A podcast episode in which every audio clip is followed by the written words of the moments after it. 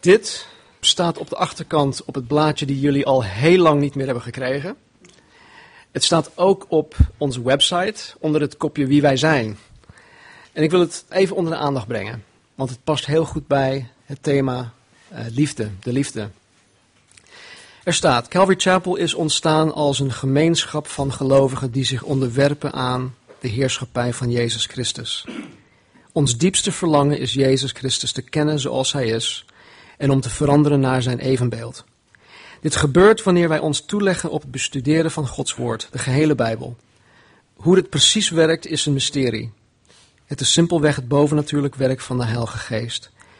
De Heilige Geest gebruikt Zijn Woord, de Bijbel, om ons hart, ons denken en onze kijk op God, de wereld en de medemens te doen veranderen. Hij leert ons te zien zoals Hij ziet.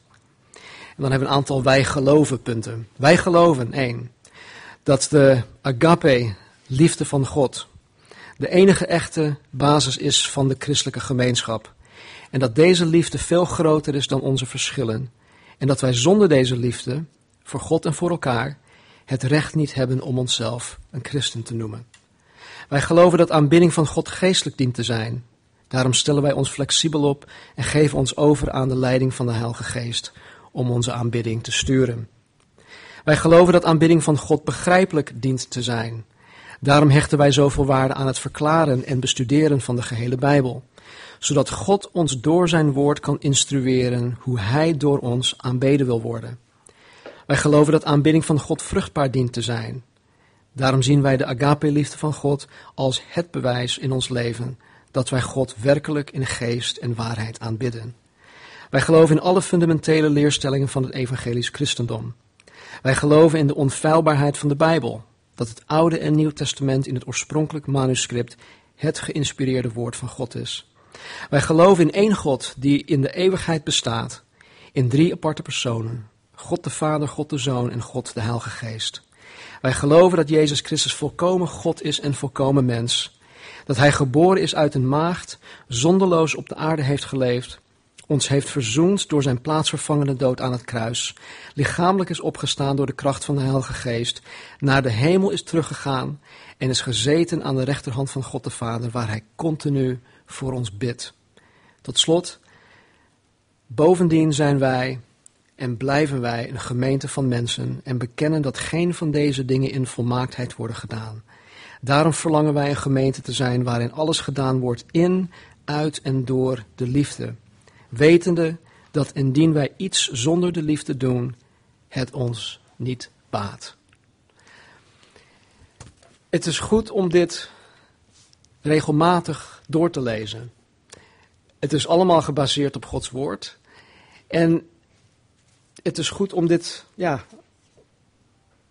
Ik vind het persoonlijk goed, want ik word hierdoor bepaald. Af en toe dan, dan, dan gebeuren er zoveel dingen.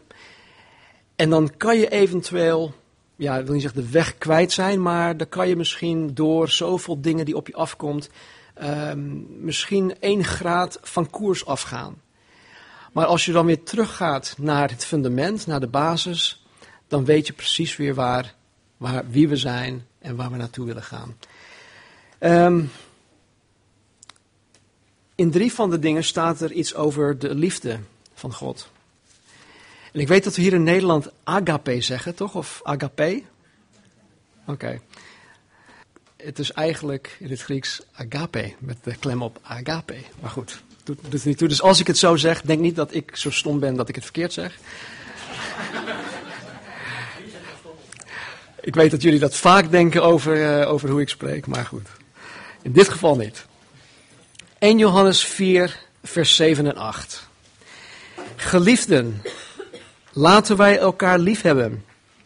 Want de liefde is uit God. En ieder die lief heeft, is uit God geboren, is wedergeboren en kent God. Wie niet lief heeft, kent God niet. Want God is liefde. Daar hebben we een heel mooi liedje van gemaakt. Ik ga hem niet voorzingen. Nee, nee, nee. Misschien moeten we dat wel een keertje doen. Volgende week. Door dit stuk oppervlakkig te lezen, zou iemand eventueel tot de verkeerde conclusie kunnen komen. En wat er staat, dat, dat een ieder die lief heeft uit God geboren is. Dus een ieder die lief heeft is wedergeboren en kent God. Dus als een persoon zijn vrouw lief heeft, of zijn kinderen, zijn ouders, zijn familie, zijn vrienden enzovoort enzovoort, dan zou dat aan de hand van een oppervlakkige behandeling van deze tekst kunnen betekenen dat hij wedergeboren is. Dat hij God kent. Maar is dat wel zo? Is het zo dat, ehm, hè, dat als iemand liefde voor zijn gezin heeft, voor zijn vrienden, dat hij wedergeboren is? Is, is dat wat God hiermee bedoelt? Of bedoelt God hier iets anders mee? Nou, ik heb het al meer, meerdere malen gezegd, denk ik, in de afgelopen bijna vier jaar. Maar ik wil het nog een keer herhalen. In de Griekse taal, waarin het Nieuw Testament van de Bijbel geschreven is, zijn er verschillende woorden die vertaald worden in het Nederlands woord liefde. Het eerste is eros. En dat is eros of eros, dat is een sensuele vorm van liefde. En het kan ook vertaald worden in lust of in begeerte. Dit is waar de woorden erotisch en erotiek vandaan komen. Ik noem dit zelf de MTV love. Of de goede tijden, slechte tijden liefde.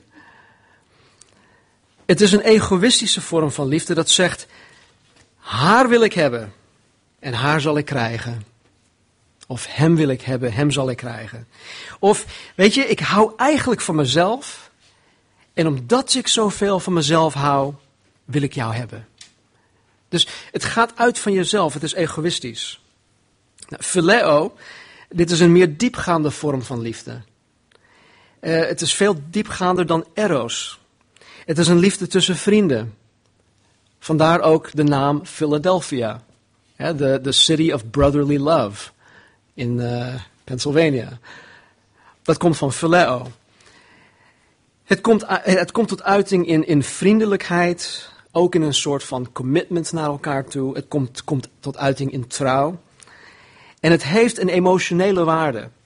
Waar eros puur lichamelijk is, heeft phileo wel een emotionele waarde. Dan is er ook nog storge. Dit gaat nog dieper. En het is een soort van familieliefde die je hebt. Het is een natuurlijke liefde die de vader of een, een moeder heeft voor zijn of haar kind. Het is ook een liefde die tussen man en vrouw bestaat. Maar ondanks dat deze phileo en storge dieper gaan dan eros, wanneer de een de ander een onrecht aandoet, kan de relatie tussen partijen die deze liefde met elkaar delen nog steeds stuk gaan. Het dus familieliefde, als er iets misgaat, kan de relatie nog steeds stuk gaan. Liefde tussen vrienden, als iemand onrecht gedaan wordt, kan de relatie nog steeds stuk gaan. En geen van deze vormen van liefde laat ons zien hoe de onvoorwaardelijke agape-liefde van God eruit ziet. Want, want deze gaan nog steeds uit van jezelf. Deze zijn en blijven egoïstische vormen van liefde. Maar wat er in Johannes 4, 4, vers 7 en 8 staat, is niet eros, het is ook niet phileo, het is ook niet storge. Er staat agape. Geliefden, dus agapeën, degene die geliefd zijn, onvoorwaardelijk. Laten wij elkaar agape lief hebben. Want agape is uit God en ieder die agape is uit God geboren en kent God.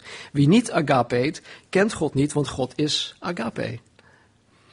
Dus God heeft het hier expliciet over de agape liefde. De liefde waar Paulus het over heeft in 1 Korinthe 13. De aanwezigheid van deze liefde bewijst dat wij wedergeboren zijn en dat we God kennen. Het tegenovergestelde is ook waar. Nou, de reden waarom ik het aanhaal, is omdat je niet tot de ware betekenis van Gods woord kan komen door het oppervlakkig en subjectief te benaderen. Ja, je kan niet tot de ware betekenis van Gods woord komen door het, door het oppervlakkig en subjectief te benaderen.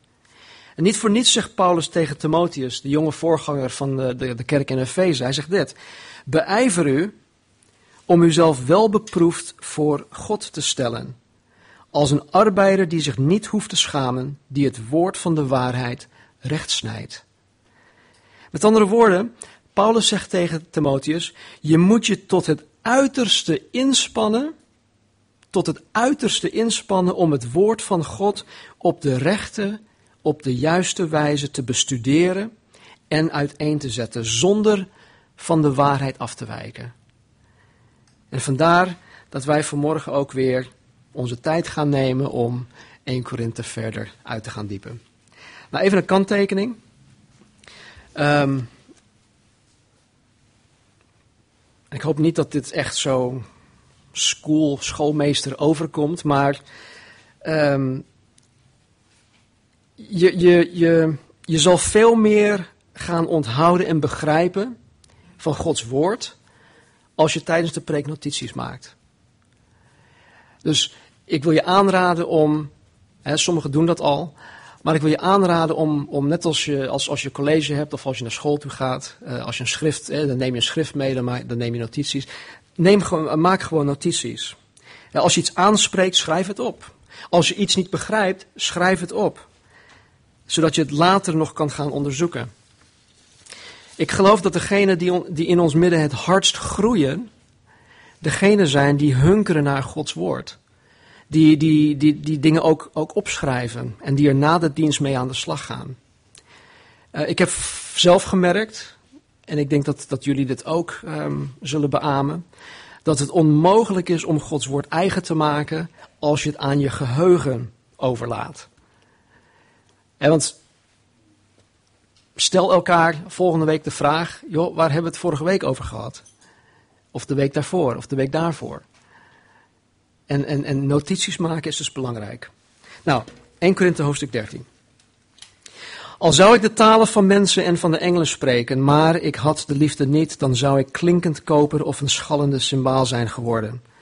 Al zou ik de gave van de profetie hebben en alle geheimenissen weten en alle kennis bezitten.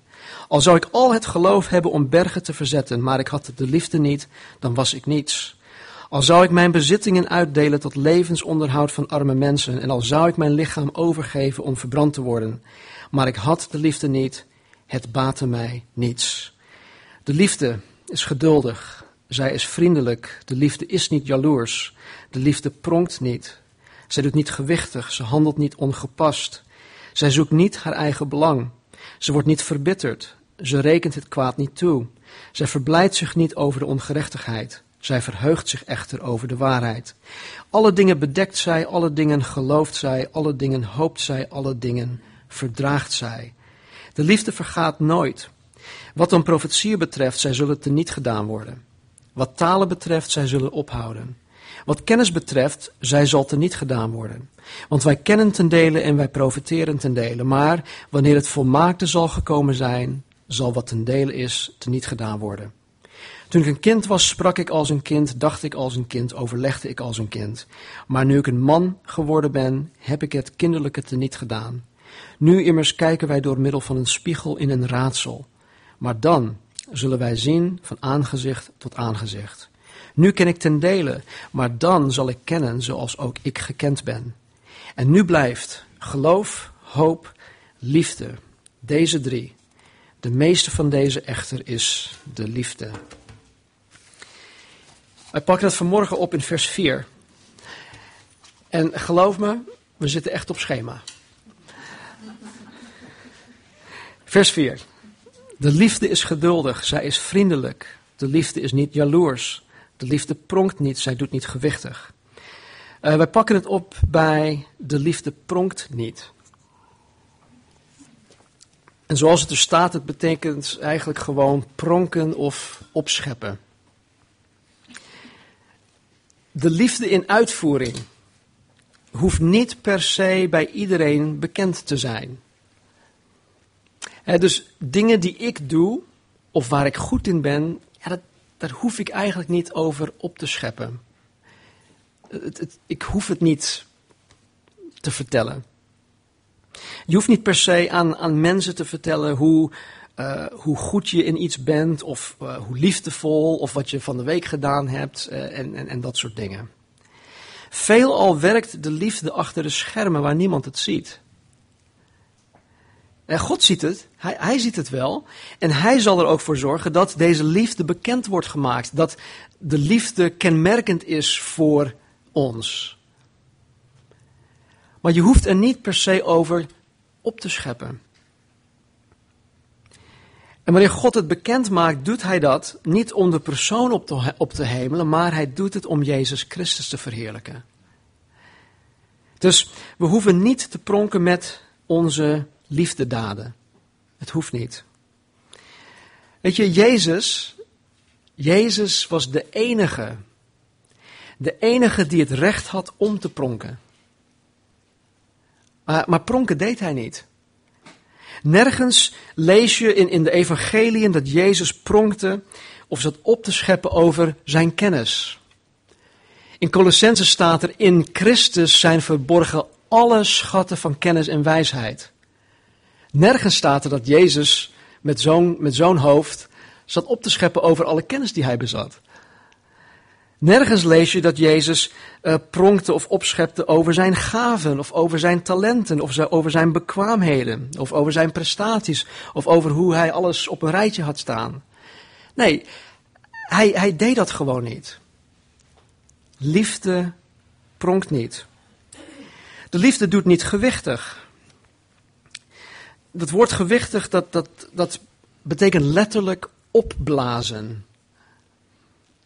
Jullie kennen de term blaaskaak. De liefde is geen blaaskaak. Hij doet niet gewichtig.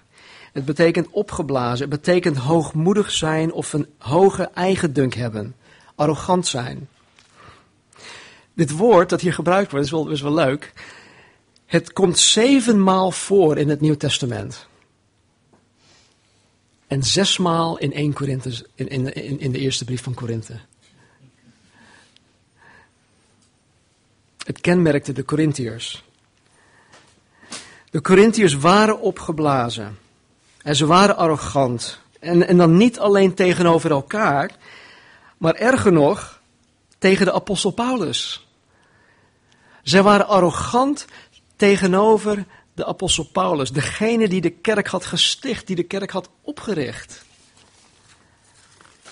In 1 Korinthe 5, vers 1 en 2 staat, staat dit.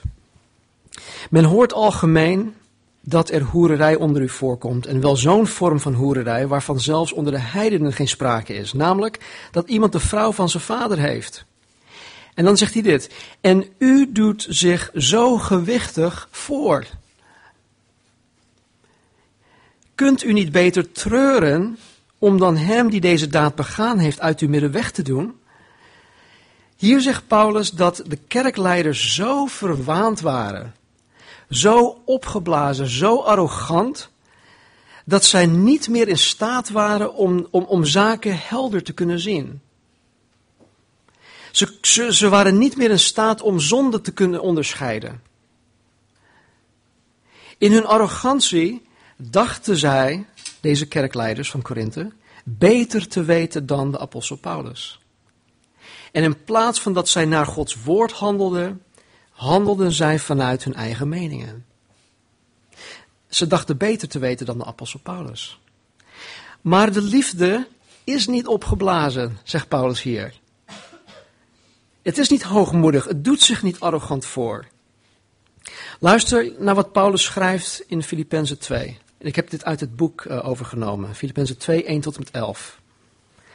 Hij zegt, als u elkaar in Christus helpt, als u elkaar met liefde bemoedigt, als u door de geest één bent met elkaar, als u zich over elkaar ontfermt en liefdevol met elkaar omgaat, maak mij dan helemaal gelukkig door het onderling eens te zijn en elkaar lief te hebben. Streef één van hart en ziel naar echte eenheid. Wees niet egoïstisch en probeer niet de eer naar u toe te trekken of een ander te bedriegen. Maar wees nederig en sla een ander hoger aan dan uzelf. Denk niet alleen aan uw eigen zaken, maar heb ook belangstelling voor wat een ander doet. Blijf erop toezien dat uw innerlijke houding moet zijn zoals die van Christus Jezus, die hoewel hij God was, zich niet heeft vastgeklampt aan zijn goddelijke rechten Integendeel, hij legde zijn grote macht en heerlijkheid af en kwam als dienaar in het lichaam van een mens. Herkenbaar als mens vernederde hij zich en gehoorzaamde zich tot het uiterste, zelfs tot in de dood aan het kruis.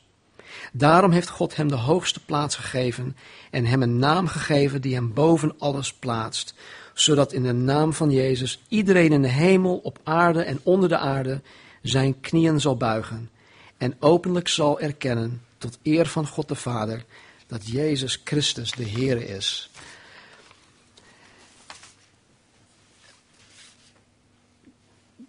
Dit is ook weer zo'n zo, zo schriftgedeelte wat we eigen moeten maken.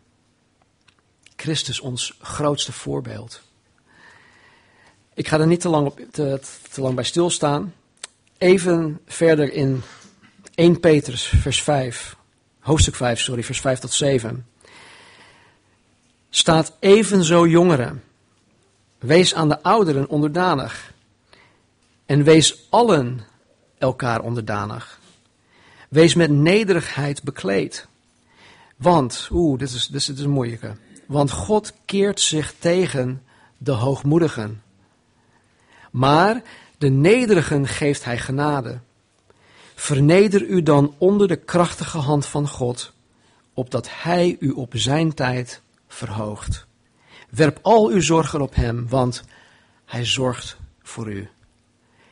De liefde is niet opgeblazen. Werp je zorgen op hem. Hij zorgt voor u. Hij zal voor alles zorgen. Ook al denk je dat je moet, je, je, je moet vertellen of je moet dit of je moet dat. Anders zien ze me niet zitten of anders zien ze me niet staan. God ziet je. Werp al je zorgen op hem en hij zorgt voor je. Vers 5. Kijk, we boeken vooruitgang. De liefde handelt niet ongepast. Zij zoekt niet haar eigen belang. Zij wordt niet verbitterd. Ze denkt geen kwaad. De liefde handelt niet ongepast. Het betekent onfatsoenlijk of onbetamelijk gedrag. En het heeft te maken met slechte manieren. Met, met foute uh, omgangsnormen. De liefde gedraagt zich niet ongemaneerd, onopgevoed, onbeleefd of lomp of grof of beledigend. Ongepast gedrag houdt totaal geen rekening met de ander. Het heeft poep aan de ander. De liefde daarentegen houdt wel rekening met de ander. De liefde is attent. Het houdt rekening met de gevoelens en ook de gevoeligheid van anderen. De liefde handelt niet ongepast. De liefde zoekt niet haar eigen belang. De woorden die Paulus hier gebruikt betekenen letterlijk streven of verlangen naar iets dat men wenst te verkrijgen. Streven of verlangen naar iets dat men wenst te verkrijgen. En in dit geval zijn of haar eigen belang. Iets dat voor hem of haar persoonlijk belangrijk is. Vandalen zegt dit over eigen belang. Het streven naar bevoordeling van zichzelf met verwaarlozing van de belangen van anderen. Het streven naar bevoordeling van zichzelf met verwaarlozing van de belangen van anderen. Eigen belang, eigen belang is misschien wel de kern van het kwaad. Uh, een zekere Bijbelcommentator, R.C.H. Lenski, zegt dit. Hij zegt, vind de kuur voor egoïsme en je hebt opnieuw de hof van Eden beplant.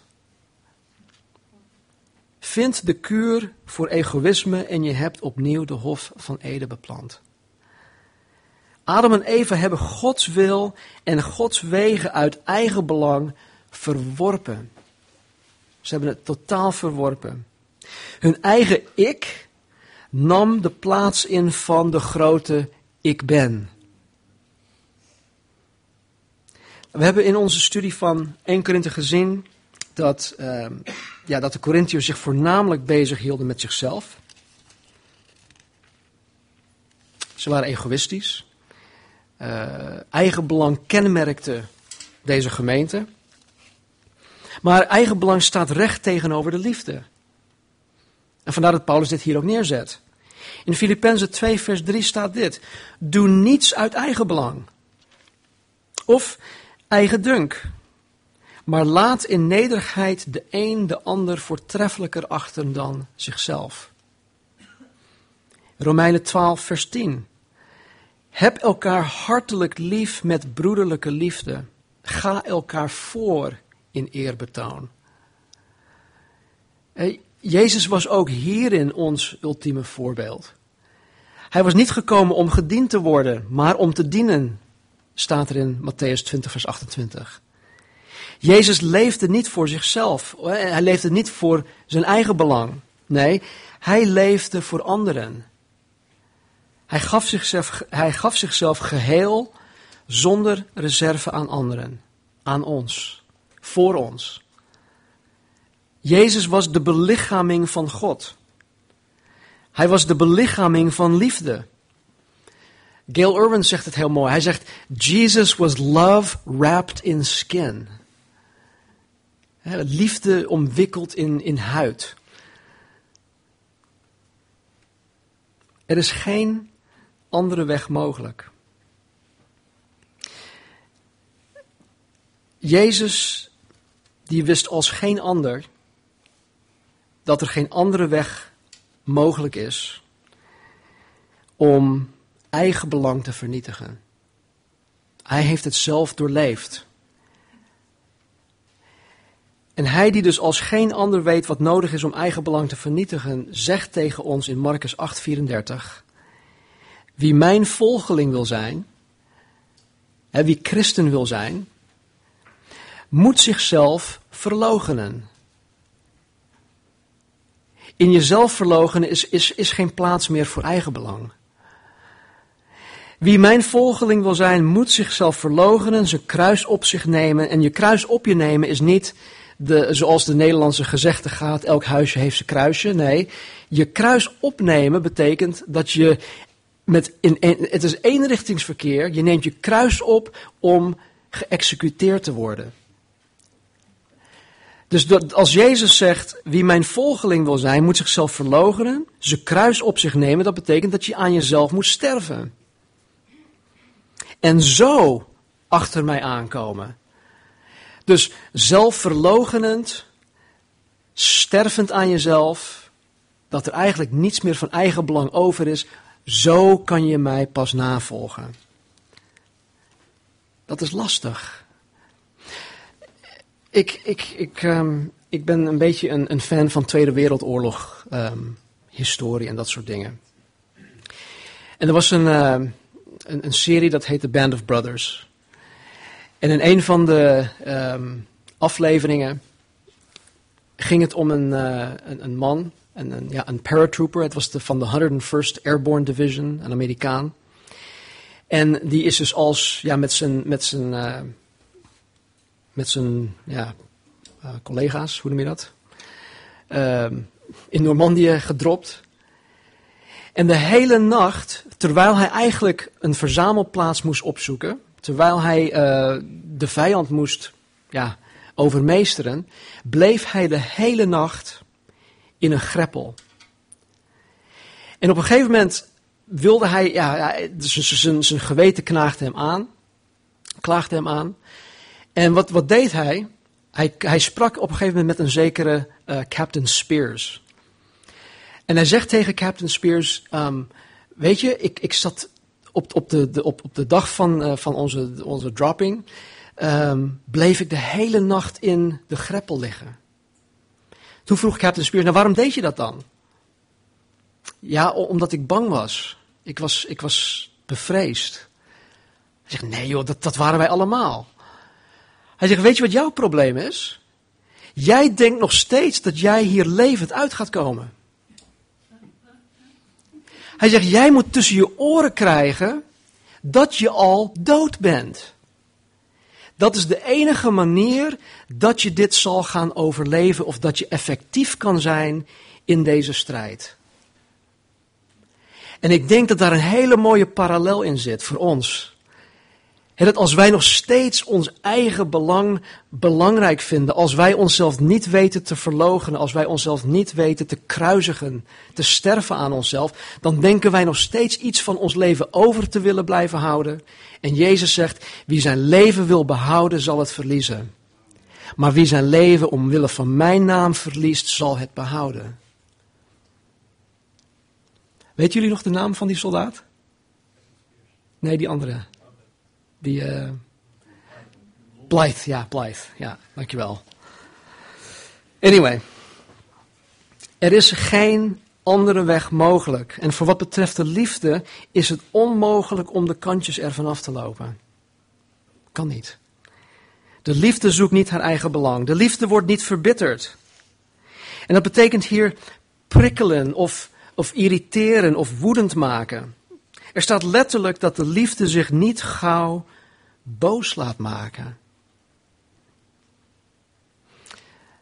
Maar hoe zit dat dan met Jezus? Uh, Jezus uh, werd boos in de tempel toen hij alles overhoop gooide en de handelaren uit de tempel gooide.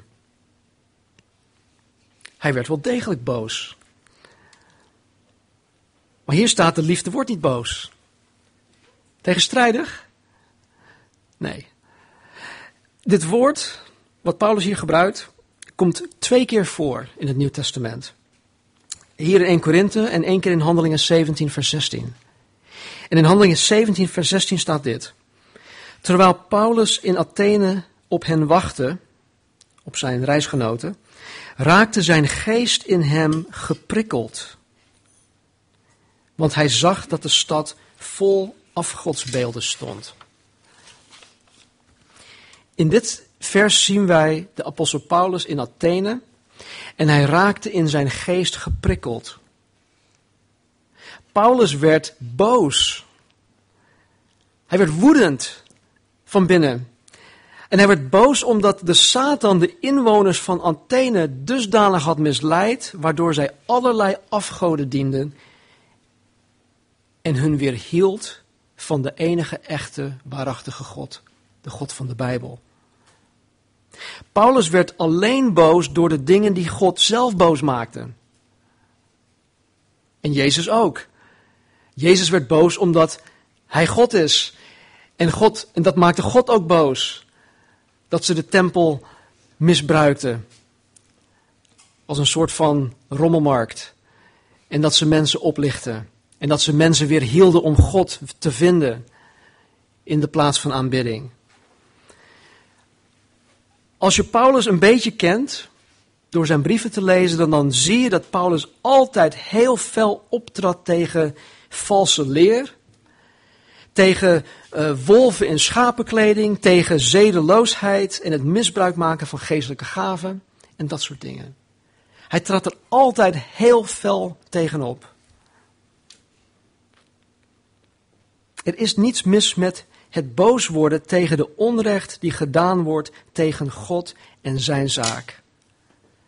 Tegen Gods gerechtigheid. Niks mis mee. Ik was een maand geleden nog in een, uh, in een katholieke kerk voor de uitvaart van mijn tante. En dan ben je daar met een ja, man of 100, misschien 120, misschien wel iets meer. Merendeel uh, niet gelovig. En dan zit je daar in zo'n uitvaartdienst, in een koude kerk. En dan wordt daar, worden daar dingen gezegd over het leven na de dood. Er worden, er gezegd, worden dingen gezegd over tante Cor. En het slaat echt nergens op. Het waren allemaal leugens. Oh, ze is nu in een betere plaats. En dit terwijl zij niet in Jezus Christus geloofde. Zij was niet wedergeboren. En dan te zeggen, oh ze is in een betere plaats, we besprenkelen haar met levengevend water, dat haar dan weer leven geeft en bla bla bla. Dan weet je, op een gegeven moment werd ik zo boos van binnen.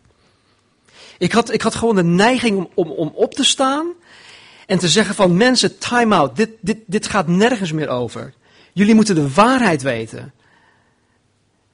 Zij werden gewoon leugens voorgehouden. Ze werden misleid. En iedereen die ging daar weg met een, met een soort van ja, fijn gevoel van, ja oké, iedereen gaat toch naar de hemel.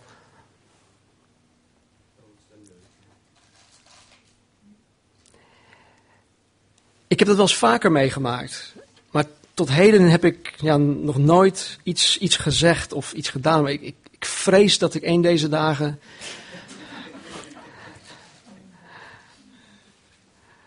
Misschien is dat, ik weet het niet, maar ik, ik word gewoon toornig van binnen. Er is dus wel plaats om geprikkeld, geïrriteerd, om boos te raken wanneer Gods gerechtigheid en waarheid op het spel staat.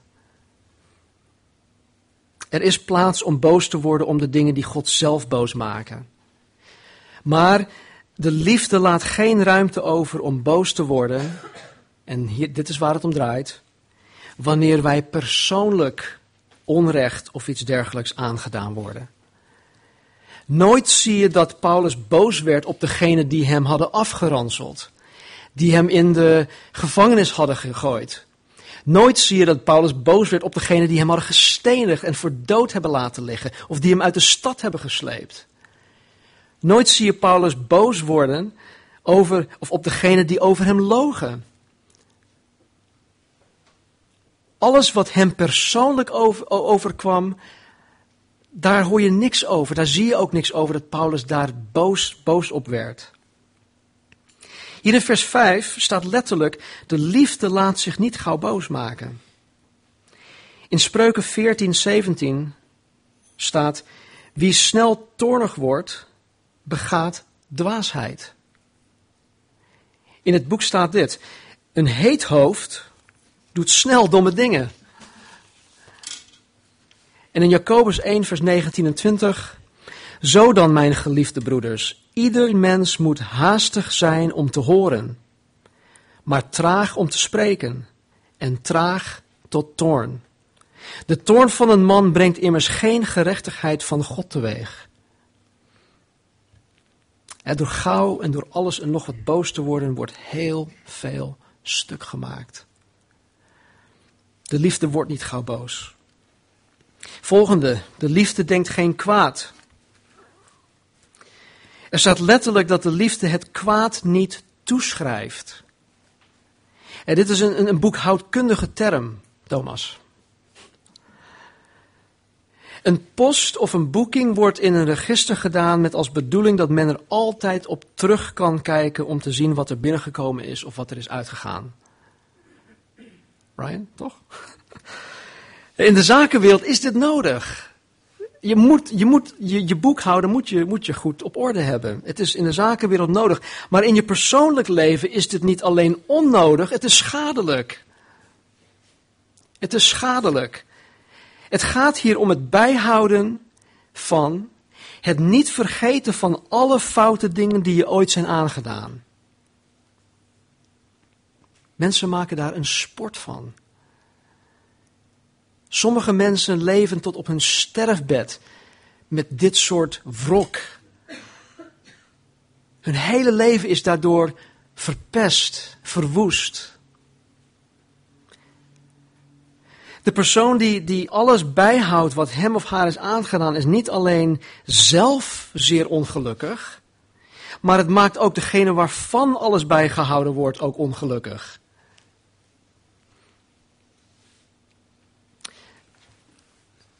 Het niet willen vergeten.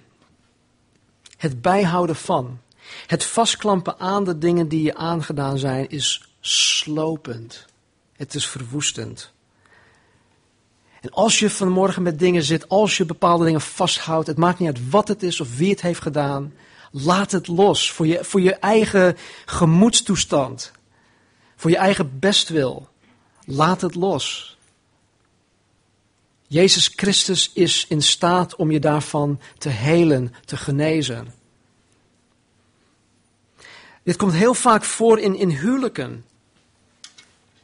Vooral in huwelijken waarvan één of beide partners tijdens het huwelijk of na hun bruiloft tot geloof zijn gekomen. Vaak houdt de man of vrouw zich vast aan dingen die hun partner in het verleden hebben gedaan voordat zij tot bekering kwamen. En in plaats van dat zij hun partner vergeven, in plaats van dat zij hun partner zien als de nieuwe schepping in Jezus Christus, 2 Korinthe 5 vers 17, blijven de dingen vanuit het verleden bewust of onbewust aan hun knagen. En de relatie loopt hierop vast. De relatie loopt hierop stuk. Hetzelfde woord wordt ook in het Nieuw Testament gebruikt om aan te geven dat God onze zonden ons niet toeschrijft. In Romeinen 4, vers 8. Dit geldt voor allemaal. Gelukkig is hij aan wie de Heere zijn zonde niet toerekent. Oh man, wat ben ik blij dat God mijn zonde niet toerekent. 2 Korinthe 5 vers 19. God was het namelijk die in Christus de wereld met zichzelf verzoende en aan hen hun overtredingen niet toerekende. Handelingen 3:19. Kom dus tot inkeer. Kom tot inkeer. Be bekeer u opdat uw zonden uitgewist worden en er tijden van verkwikking zullen komen van het aangezicht van de Heer. Want als je vandaag nog niet de keus hebt gemaakt om Jezus Christus te volgen, als je nog niet tot inkeer bent gekomen, doe dat. Je loopt je hele leven al rond met een, met, met een, een last, met uh, misschien ondergebukt, met hoop, hoop levensvragen. En er staat hier, kom tot inkeer, bekeer u opdat uw zonden uitgewist worden. Je begint met een schone lei. Als je voor God komt te staan, dan ziet hij alleen maar, hé, hey, je bent rechtvaardig. Ik zie helemaal niks fout met jou. En er tijden van verkwikking zullen komen. Nou weet je, ik heb elke dag verkwikking nodig. Er staat ook in andere vertaling verfrissing. Elke dag heb ik die verfrissing nodig. Want het is niet alleen de zonde die, je, die, zo zwaar weegt, maar vooral de schuldgevoelens die daarmee gepaard gaan. En in het Oude Testament, waar uh, door, door bepaalde offers en dat soort dingen, werden de, de, de zonden van de mensen, het werd bedekt. Maar de schuldgevoelens, die werden niet weggenomen. Maar nu in Christus, het volmaakt offer, hij, hij, hij, hij vergeeft ons niet alleen. Hij verklaart ons niet alleen als 100% rechtvaardig. Maar hij doet, ons, hij doet iets met ons geweten. Waardoor wij 100% zeker zijn dat wij vergeven zijn. En de schuldgevoelens weg zijn. Dus kom tot inkeer, bekeer u opdat uw zonden uitgewist worden en er tijden van verkwikking zullen komen van het aangezicht van de Heer. Tot slot. Weet je, ik, ik zie er echt naar uit. Wanneer wij in de hemel komen en voor God komen te staan, zal er slechts één post staan naast mijn naam. Eén post. Rechtvaardig. Rechtvaardig. Al onze zonden zijn vergeven, ze zijn uitgewist.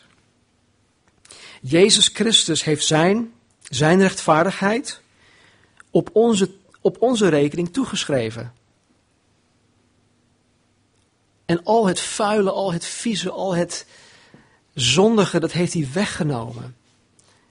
En zijn gerechtigheid, zijn rechtvaardigheid heeft hij aan mijn rekening toegeschreven. Dus als God ons onze zonde nooit meer toe zal rekenen, wie zijn wij om dat wel bij een ander te doen?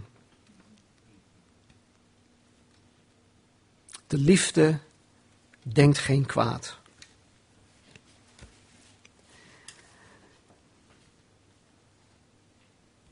Laten we bidden.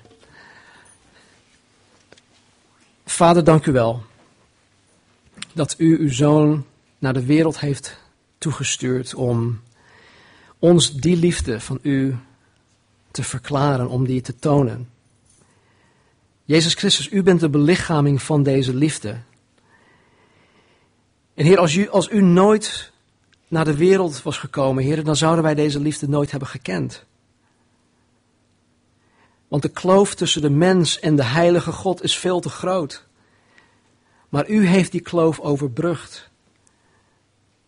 U heeft het ons mogelijk gemaakt dat wij door uw offer toegang hebben gekregen tot de troon van God in de hemel.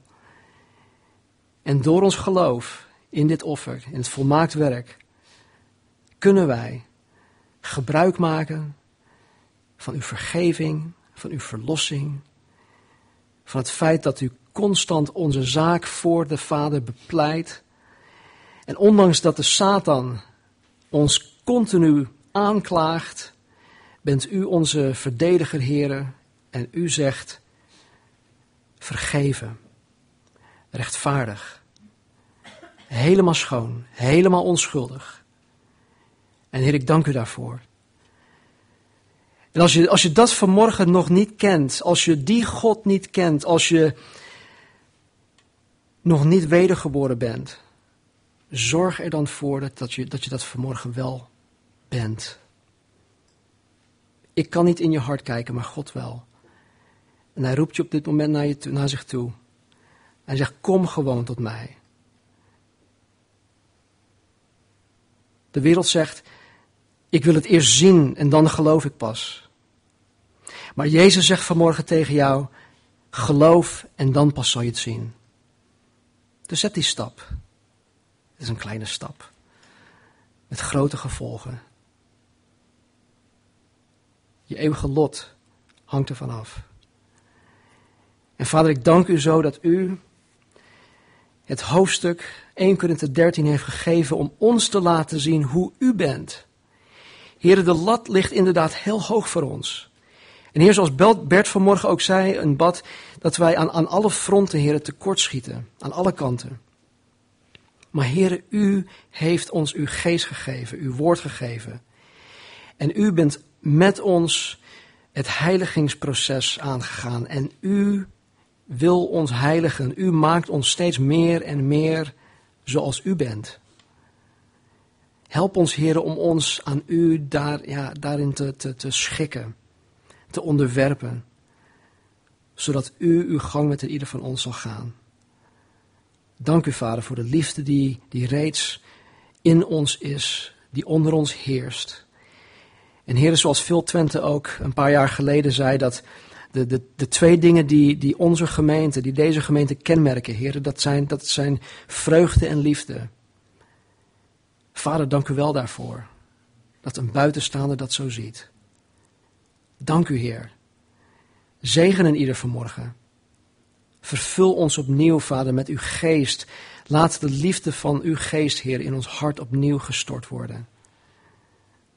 En help ons, Vader, elkaar lief te hebben zoals u, ons lief heeft. Dank u wel.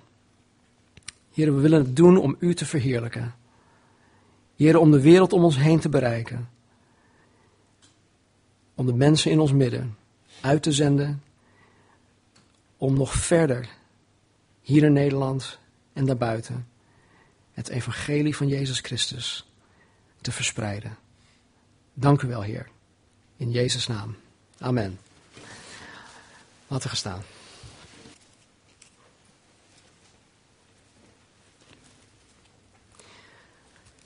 Ik uh, haalde zo net um, 2 Korinthe 5, vers 17 aan. Ik wil het nog voorlezen, dat jullie meegeven als zegen. Daarom, als iemand in Christus is, is hij een nieuwe schepping. Het oude is voorbij gegaan, zie, alles is nieuw geworden. En dit alles is uit God, die ons met zichzelf verzoend heeft door Jezus Christus en ons de bediening van de verzoening gegeven heeft. Want God was het die in Christus de wereld met zichzelf verzoende en aan hen hun misdaden niet toerekende. En hij heeft het woord van de verzoening in ons gelegd. Wij zijn dan gezanten namens Christus, alsof God u door ons oproept.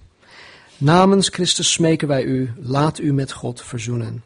Want hem die geen zonde gekend heeft, heeft hij voor ons zonde gemaakt, opdat wij zouden worden gerechtigheid van God in hem.